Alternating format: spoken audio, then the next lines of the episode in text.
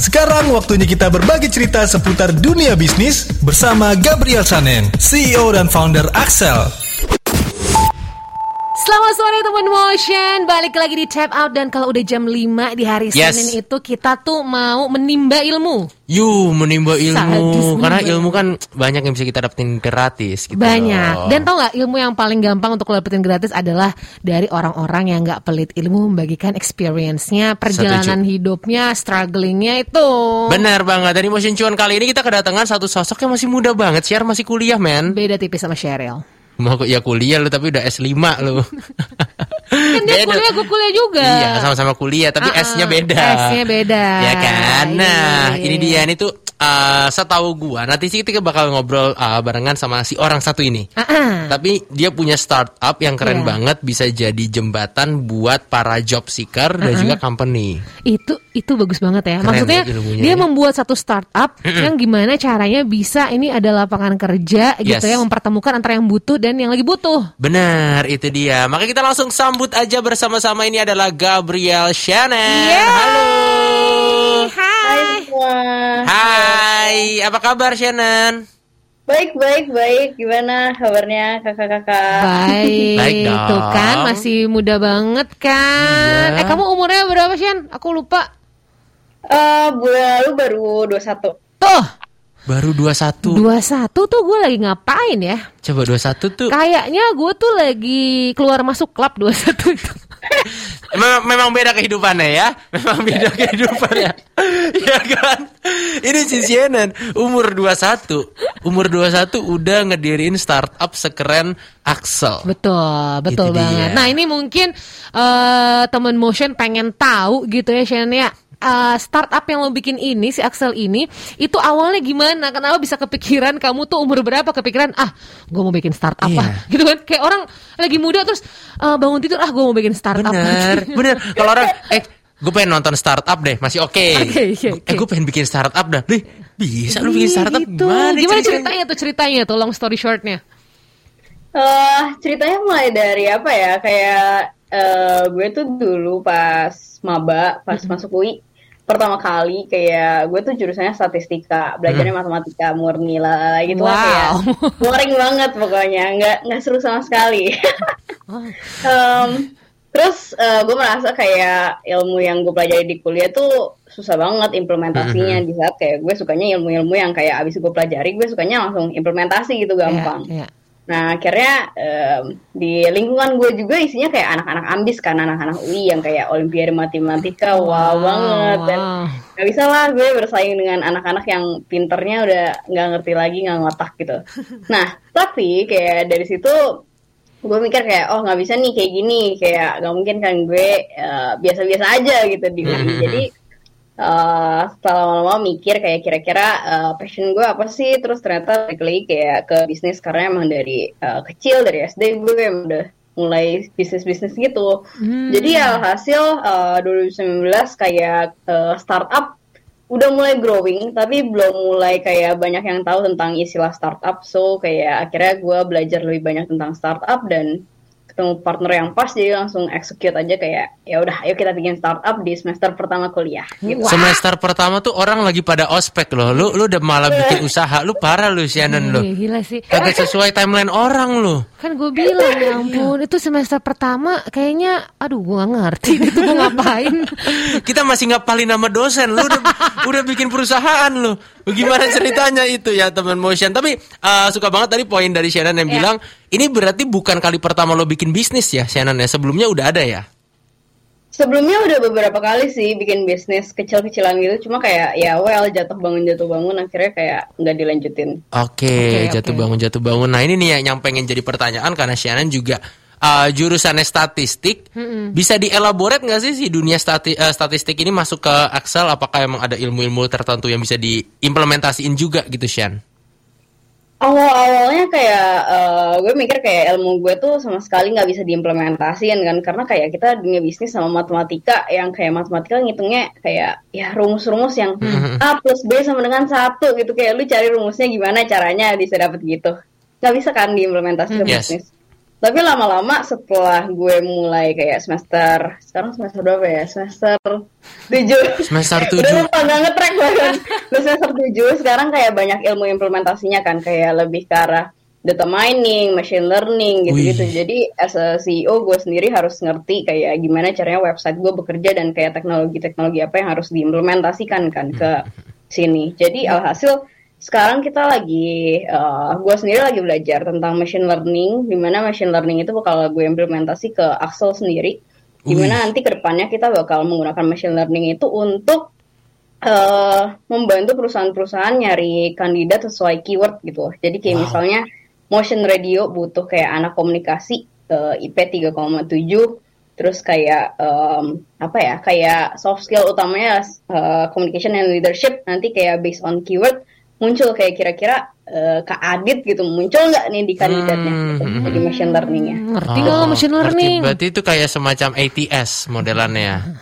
Betul, kayak ATS, cuma kayak kalau misalnya ATS itu kan eh, munculin keyword-keyword aja kan. Ah, Kalau ah, ini ah. langsung muncul kandidatnya gitu. Ah, ampun, pintar banget, coy, ya. umur 21. Semester 7 dia udah bikin kayak gini. Tapi sebenarnya em, apa ya? Kan eh, si startup ini juga bukan cuma startup biasa gitu Shannon ya Guleta ini mem- mem- me- menyelesaikan satu persoalan sosial gitu ya di mana Ya. cari kerja lah gitu ya. Lo ada satu target tertentu nggak sih atau gue tuh sebenarnya pengen aslinya tuh si Axel ini jadi begini gitu.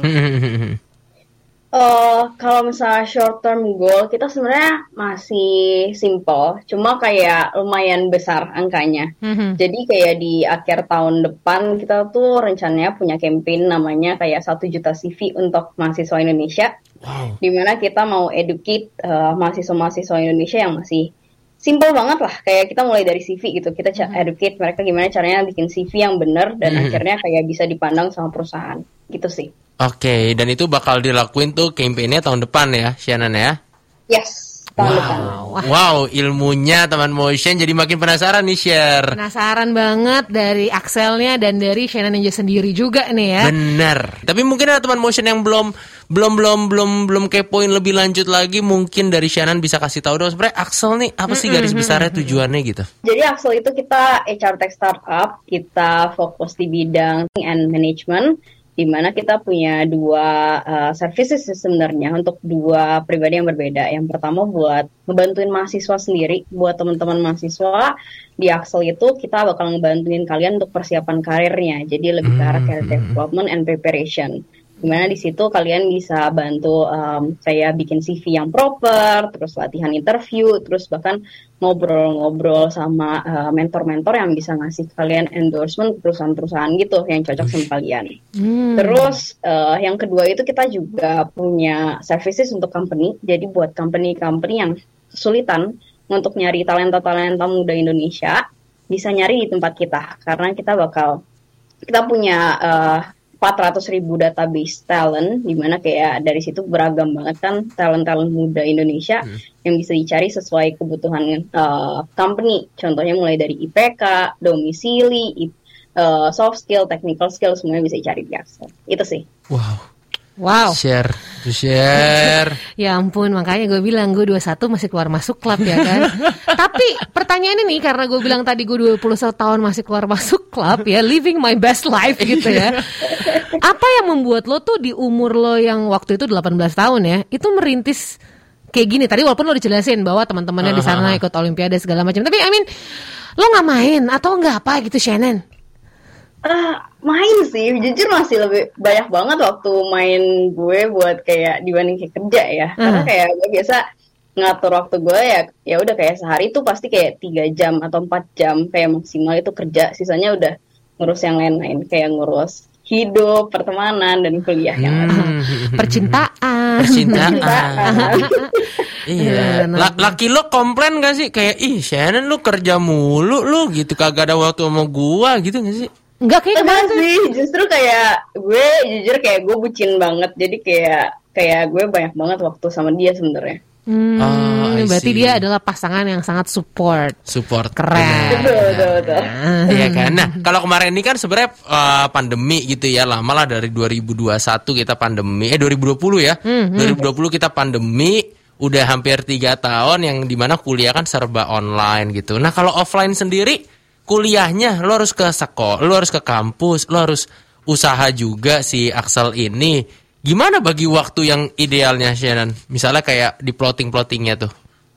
Yes, uh, dulu uh, kan bikin startup tuh pas masih kuliah offline kan, Hmm. jadi kayak sebenarnya tetap kayak ngelihat prioritas utama gue kan masih menjadi mahasiswa sebenarnya, jadi kayak bener-bener uh, waktu kuliah itu tetap jadi prioritas utama, jadi kayak waktu meeting segala macam diatur setelah kuliah. Jadi kalau misalnya dulu itu jam 6 baru selesai kuliah ya udah kayak kita meetingnya dari jam 7 sampai jam 12 malam nanti gitu. Wow. Wow. Kacau, sangat Dedikasi sekali nih, dia ya. Iya, ya. Tapi gue gak ngerti ya, maksudnya kan hebat banget ya. Iya. Udah gitu kan pasti kalau lo bikin bisnis, apalagi startup tuh banyak banget rintangan-rintangannya. Iya. Selama ini rintangan yang paling pol lah menurut lo yang kayak aduh nih, aduh gitu, paling bikin lo stres apa sih? Rintangan yang paling mau bikin stres adalah eh, pas Axel tuh udah diambang kebangkrutan waktu itu. Oh, pernah? Terus kayak- Wow. Pernah, pernah, pernah. Abis itu eh, pas banget lagi ancur-ancurnya finansial waktu itu, terus gue ditinggal sama co-founder gue. Jadi dulu kayak gue bukan CEO, tapi gue CMO. Terus kayak Oke. CEO gue tiba-tiba cabut. Jadi kayak mau nggak mau gue harus menjalankan perusahaan ini sendirian di saat kayak eh, keadaan finansial perusahaan nggak sedang baik-baik saja gitu sih. Wow, gue. wow. Tapi akhirnya sekarang sudah sangat membaik. Iya, sekali udah ya. kembali lagi seperti Betul. semua semula bahkan lebih mantep lagi gitu ya Shannon ya. Itu satu tantangan yang yang bikin stres sih bener sih ya. Bener, bener, bener. Kalau kayak gitu. Eh gue pengen tahu ini nggak tahu deh boleh di sharing atau enggak ya. Kalau Axel ini udah di invest belum sama salah satu tahu investor atau apa gitu, Shannon atau masih mandiri? Yes, kita udah ada investor sih Mhm. yang eh, udah ada kayak dua dua investor terus kayak di bulan ini kita rencananya ada satu investor lagi yang Wow. eh, lumayan gede lah masuknya. Wow, nah Wah, keren. itu nih gue penasaran. Investor nih, ketemu dia, umurnya masih 21 tahun. Iya. ya. Itu lo maksudnya gimana cara meyakinkan investor-investor itu? Padahal mereka kan biasa melihat usaha-usaha yang emang real life gitu ya, yang kayaknya Benar, tuh yang jalanin bener-bener yang mungkin udah lulus kuliah lah. Ah, ah, ah, dari umur gitu ya, dari kita ngomongin umur kan masih muda banget. Dia Iya. kayak nih yakin nih Shannon nih. CEO-nya nih gitu. Kayak gitu gak sih? Bener bener bener bener. Eh, Sebenarnya nyari investor yang bisa percaya sama kita tuh agak susah sih, apalagi ke gue soalnya eh, masih anak kuliah kan, dan emang kebanyakan investor-investor tuh maunya kayak ya udah orang-orang yang udah lulus kuliah atau udah punya kayak work experience kayak 3 sampai empat tahun maunya. Cuma eh, akhir-akhirnya tetap ada sih kayak alhasil orang-orang yang sevisi, sejalan dan sehati yang pasti kayak buat Jadi- mencapai tujuan dari Axel. Jadi akhir-akhirnya ya well dipertemukanlah di bulan ini sih. Wih, Oke, keren. Emang kalau udah jodoh mah gak ke mana gitu ya. Oh, bener cinta Bener, ya. bener. Benar. Tapi aku penasaran nih, tadi kan sebelumnya sempat dibahas gimana caranya uh, lo bisa ngeyakinin investor nih, Shannon. Itu kalau dari sudut pandang investor. Kalau dari sudut pandang orang tua, gimana cara lo yakinin orang tua lo kayak ini kan masih muda kok udah pengen uh, kerja aja, udah Udahlah pengen buat kuliah usaha dulu aja sendiri. lah. Iya, biasa begitu Heeh. kan Ntar orang udah tua. kenal duit jadi males kerja. Eh, nah, kerja. malas kuliah. Males kuliah. Kayak gitu. Itu sempat jadi permasalahan juga gak sih, Shannon? Eh, jujur kalau misalnya restu orang tua tuh bukan permasalahan banget sih, karena Hmm. dari awal kayak eh, bonyok gue dari dulu udah ngeliat kayak kayak emang dari dulu udah kelihatan sisi entrepreneurshipnya. Jadi emang pas eh, bilang eh, kayaknya mau bikin perusahaan yang lebih serius gitu dibanding kayak bisnis-bisnis sebelumnya yang masih kayak kecil-kecil banget lah yang bikin eh, dari rumah. Eh, terus kayak waktu itu ya langsung ditembak pertanyaannya nanti kuliahnya gimana? Terus kayak ya udah bilang ya udah gue bilang aja sih kayak kuliah bakal jalan kok tenang aja kayak nanti tetap eh, mami eh, gue bilang sama nyokap gue kan soalnya nyokap gue yang galak anjir Mami. jadi kayak eh, ya udah gue bilang aja kayak tenang aja mi tenang aja. Kayak eh, nanti tetap bakal di maintain cum laude kok lihat aja sampai lulus gitu. Wih. sampai sekarang masih masih bisa termaintain dengan baik soalnya nyokap gue emang galak banget sih kalau misalnya udah urusan janji-janji gitu. Jadi kayak tetap harus ditepati. Oh. Eh, abis itu udah sih dapat restunya buat ngejalanin so far kayak mereka very very supportive mau gue ngapain aja mau gue ke mana aja kayak eh, mereka mendukung gue apa pun yang gue lakukan gitu sih. Ya, berarti Ih, itu bukan cuma sekedar disayang lagi, itu benar-benar trust ya. Benar. Sayang itu mudah tapi dipercaya itu sulit. Iya, itu dia tuh. Jadi buat saran buat teman motion yang lagi dengerin, coba di lobby mamanya ya dikasih janji-janji tapi janji-janji palsu yang janjinya beneran ditepatin. ya. Itu dia. Tapi tapi Shannon kan gini ini banyak mungkin eh, nanti teman motion yang nonton gitu ya. Terus kamu sekarang umur 21. Mungkin ketika kita pada zaman dulu gitu ya 21 di usia beberapa tahun yang lalu dan sekarang itu kan berbeda nih. Iya, benar. Nah, kalau menurut Shannon skill apa sih yang perlu dimiliki anak muda sekarang yang memasuki umur 20 tahun lah gitu. Karena kan kalau dulu mungkin cuma sekedar oke lo bisa begini bisa begini, tapi sekarang tuh banyak soft skill soft skill Benar. tersembunyi gitu yang coy. dibutuhkan gitu loh. Yes yes. Eh, kalau misalnya dari gue, kalau misalnya bisa gue urutin, sebenarnya ada tiga sih. Yang pertama tuh komunikasi, kedua critical thinking, ketiga leadership. Eh, kalau misalnya komunikasi, ya kita kan sebagai manusia kita makhluk sosial ya, di mana kayak kita tetap harus berkomunikasi sama orang lain dan kita harus nge-maintain gimana kayak komunikasi kita tuh tersampaikan lah ke orang itu dengan baik gitu loh, bukan dengan hal-hal yang nggak baik. Jadi Benar. kayak punya skill komunikasi tuh eh bisa gue bilang anugerah lah di saat kayak True. kayak kakak-kakak ini punya radio kan skill komunikasinya udah pasti tinggi banget kan. Itu ya iyalah. Sombong banget ini. Sombong banget. Apalagi yang bisa disombongin depan Shannon. Iya. Itu doang. Itu Kalau doang. suruh matematika jangan. Kasih benar-benar. Benar, benar, benar. Soalnya kayak itu yang gue pelajari sih dalam kehidupan kita tuh kayak komunikasi sangat penting karena di mana ada problem pasti selesainya sama komunikasi akhir-akhirnya.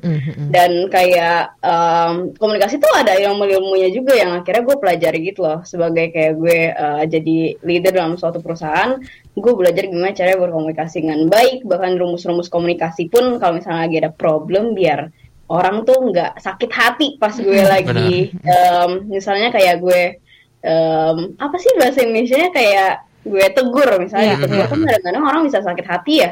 Dan itu ada rumus-rumusnya gimana kayak orang-orang itu nggak sakit hati dengan mendengarkan komunikasi Iya, kita. hal-hal yang kayak gitu sih yang benar-benar kayak gue pedulikan dalam komunikasi. Benar. terus kedua critical thinking. Menurut gue eh di dunia itu tuh di dunia itu nggak ada yang eh, certain. Kayak nggak ada yang pasti gitu. Iya. di mana eh, pasti berubah berubah Eh, semuanya harus agile. Semuanya pasti ada problem yang kayak bisa mendadak. Entah itu kayak mau sekarang mau besok nanti lima menit ke depan pasti ada aja yang mendadak. Jadi kayak ya critical thinking itu penting karena ya lu mesti tahu saat itu kayak eh, problemnya apa dan solusinya apa gitu loh gitu. Terus yang ketiga kira di leadership sih, karena semua orang akhir-akhirnya butuh apa ya, kayak butuh sosok leader dan dia bisa menjadi leader dalam diri dia sendiri sih akhir-akhirnya, buat kayak menjalani hidup dalam dirinya. Menurut gue gitu sih. Udah. Iya bener banget tuh ya. Jadi yang pertama tadi adalah Komunikasi. komunikasi, critical thinking sama leadership. Karena tiga Leadership. itu digabung jadi satu. Ibaratnya lo tuh mungkin nggak usah pinter-pinter banget, Benar. tapi lo punya tiga ini, lo kan survive lo. Iya benar benar benar benar. Ih gimana sih leadership dari seorang Gabriel Shannon ini waktu memanage timnya? Boleh di share nggak sih Shan? Ya oke, kalau misalnya leadership ya, em soal leadership tuh unik sih. Kayak masa kalau misalnya dari gue kayak hmm, dari awal sebenarnya gue udah set set expectation gitu loh ke anak-anak yang pasti kayak saya lihat kayak kadang-kadang mungkin muka gue kayak galak banget gak sih orang-orang tuh kalau misalnya interview sama gue pertama kali pasti mereka kayak galak banget ya ampun. Tapi sebenarnya kayak gue gak bilang kayak gue sebenarnya santai banget orangnya. Em, leadership gue mungkin eh, kalau misalnya leadership sebenarnya kayak biasa-biasa aja sih. Cuma kayak lebih ke arah company culture yang kayak gue terapin di Axel company culture kita tuh eh, ada beberapa yang kayak unik-unik dan kayak cukup menyenangkan mungkin ya. Di mana eh, ini masuk ke value company juga. Yes. value kita itu benar-benar ke growth. Jadi kayak orang-orang yang dalam Axel bakal bener-bener menjunjung tinggi value growth itu di mana kita sama-sama berkembang pokoknya. Kayak di sini gue selalu bilang kayak eh, walaupun gue CEO terus kayak walaupun kalian intern atau kayak part time atau freelance atau kayak full time yang lain-lain kayak kita sama-sama belajar kita it- intinya kayak enggak ngelihat jabatan lah buat sama-sama belajar di sini. Di mana biasa yang gue terapin adalah kayak uh, mendatangkan teman-teman kenalan gue yang startup-startup yang kayak udah keren-keren, yang ke Axel, terus kayak orang tua-orang tua yang gue kenal-kenal dan uh, sangat menginspirasi anak-anak muda itu kayak biasa gue datang-datengin ke Axel tiap minggu gitu Hmm. buat kayak Oh. mereka dapat pembelajaran hidup atau kayak soft skill Wow. atau technical skill yang baru gitulah. Kita kapan diundang ya? Sadis, sadis, sadis siapa? Kita bisa kita minggu sih, depan sih bisa. Minggu ini ya. minggu ini bisa juga. Kita lebih ke gabut sih sebenarnya. Eh tapi gue punya pertanyaan ini, Shannon lo punya karyawan yang umurnya di atas lo nggak? iya. Ada ada ada yang kayak 27, 28. Oh, nah itu tuh lo gimana? You, you know, kadang kan kita ya apalagi di Indonesia ya kita tuh terbiasa kalau yang tua ya harus di Ya. walaupun dia karyawan kita ini tuh akhirnya gimana lo menyikapinya? Atau karyawannya juga ngerasa kayak Waduh, ada Shannon "Aduh, lagi iya," gitu. kan? Iya. Gimana kan bosnya gitu walaupun lebih muda. Enggak sih, eh, biasa kayak eh, santai banget di Axel. Jadi kayak emang kita ya anggapannya udah seumuran aja sih mau yang kayak 21, 22, 23, 24 sampai 28 kayaknya semuanya santai banget. Jadi Hmm. kayak kalau misalnya emang lebih tua ya kita paling manggilnya Kak, udah gitu doang, tapi kayak Iya, sisanya masih lebih ke arah profesional eh, Iya. aja. Benar, benar, benar. Untung dia nggak manggil gue Tan ya. Masa tante kan kalau tante boleh pengen transfer. Maksudnya transfer makan atau apa gitu loh. bener, iya, Gitu iya. loh maksudnya, ya kan? Nah, Shen, nih terakhir last but not least, boleh nggak sih di-share mungkin ke teman-teman uh, teman motion di sini yang lagi dengerin pengen bikin startup, ada nggak insight menarik yang pengen uh, kamu kasih? Atau merintis karir lah ya. Mer- merintis karir, Merintis ya. karir gitu ya. Eh mungkin sebelum itu tadi kayak eh, gue company culture yang tadi belum selesai. Oh, iya, belum belum selesai. selesai. Itu dia. Iya, Aduh, gara-gara disambar tante lagi sih. gue. Lanjut, lanjutin lu, Shen. Santai, Lanjutin lu. Jadi selain kayak biasa di Axel tuh kita datengin orang-orang yang keren-keren buat kayak uh, belajar bareng-bareng. Biasa kita juga nerapin culture yang namanya one on one. Jadi kayak Oh. semua leader di Axel tuh pasti kayak gue atur di mana kayak mereka seminggu sekali harus kayak kontak anak-anaknya. Di mana kayak mereka nggak ngomongin tentang jadi di Axel gak cuma professional life tapi kayak kita juga mengenal satu sama lain di mana kayak ya gue jadinya tahu kayak oh intern marketing gue ternyata suka makan es krim ini bla bla bla. Terus Oh. hobi dia ini ini ini ini. Jadi kayak kita uh, mengenal satu sama lain sih. Jadi mungkin uh, bisa dibilang itu yang bikin kita satu sama lain deket banget di Axel di mana kayak ya jadinya kita lekat banget sih gara-gara one on one itu. Oh, Terus setuju. Tiap kali meeting kita ada yang namanya check in check out. Jadi kayak biasa kita punya pertanyaan check in. Jadi sebelum meeting yang profesional banget yang ngebosenin bikin ngantuk, kita awal-awalnya selalu kayak membuka kayak misalnya ada tebak-tebakan ke, habis itu Oh, kayak ada pertanyaan kayak lu eh, kalau misalnya disuruh pilih kayak telepon satu orang sekarang lu bakal pilih siapa sih yang ditelepon sekarang terus jelasin Wow. gitu. Ice breaking, ice breaking gitu ya. Oh, jadi check in check out. Terus kita juga, eh, oh di Axel tuh gue juga ngajarin orang-orang buat data oriented karena kayak gue anak data kan, di mana kayak kita sekarang hidup dengan data. Jadi kayak kalau misalnya mau ngomong sesuatu, mau menarik kesimpulan atau kayak kerja semuanya kayak gue ajarin buat lebih data oriented. Jadi Benar kayak sih. di Axel kita anaknya eh, banyak API teknologi-teknologi yang eh, lebih ke arah data sih Data akhir-akhirnya. banget Data. anaknya. Iya, kamu da- kalau ditanya, eh kalau jadi pacarnya Shannon, kamu sayang sama aku nggak? Berdasarkan data Berdasarkan sayang ya. data dari Harvard. Dari Harvard yang sudah saya kumpulkan selama dua tahun ini. eh tapi uniknya adalah kayak gue dulu pas PDKT sama cowok gue, gue Hah? suruh bikin proposal loh buat ngedeketin gue. Dia bikin proposal. Serius loh? Serius, serius, serius. Terus Wow. cowok gue beneran bikin proposal 5000 kata. Sumpah. Dan katanya dia sekalian ngasih CV ya ke kamu ya dia mau kerja juga. Terus terus itu dia maksudnya apa namanya cerita kenapa mau ngedeketin lo apa trait-trait Iya. yang bagus kayak gitu. Betul, betul. Jadi ada latar belakang, tujuan, kesimpulan, saran, semuanya ada. Oh, Lengkap. terus Oh, Oh, udah berasa ne- kayak tesis ya? Iya, makanya ketika nembak jadi kayak sidang skripsi. ya Allah, unik sekali ya pacaran satu ini sangat produktif ya teman motion ya. Oke, last but not least deh, share nanti abis ini kita offer kita ngomongin tentang pacar lo ya. Kita shout out namanya siapa. Ada nggak pesan dan pesan, tips and trick buat teman motion yang pengen uh, bikin suatu karya mungkin di dalam Ya. karirnya atau pengen bikin startup juga kayak Shannon, apa yang bisa Shannon kasih? Ya, ya. Menurut gue kayak ini sama sih pesannya kayak yang terakhir gue di offline eventnya Motion Radio. Ya, Wih, di Moves. kayak pesan gue- Moves. Betul.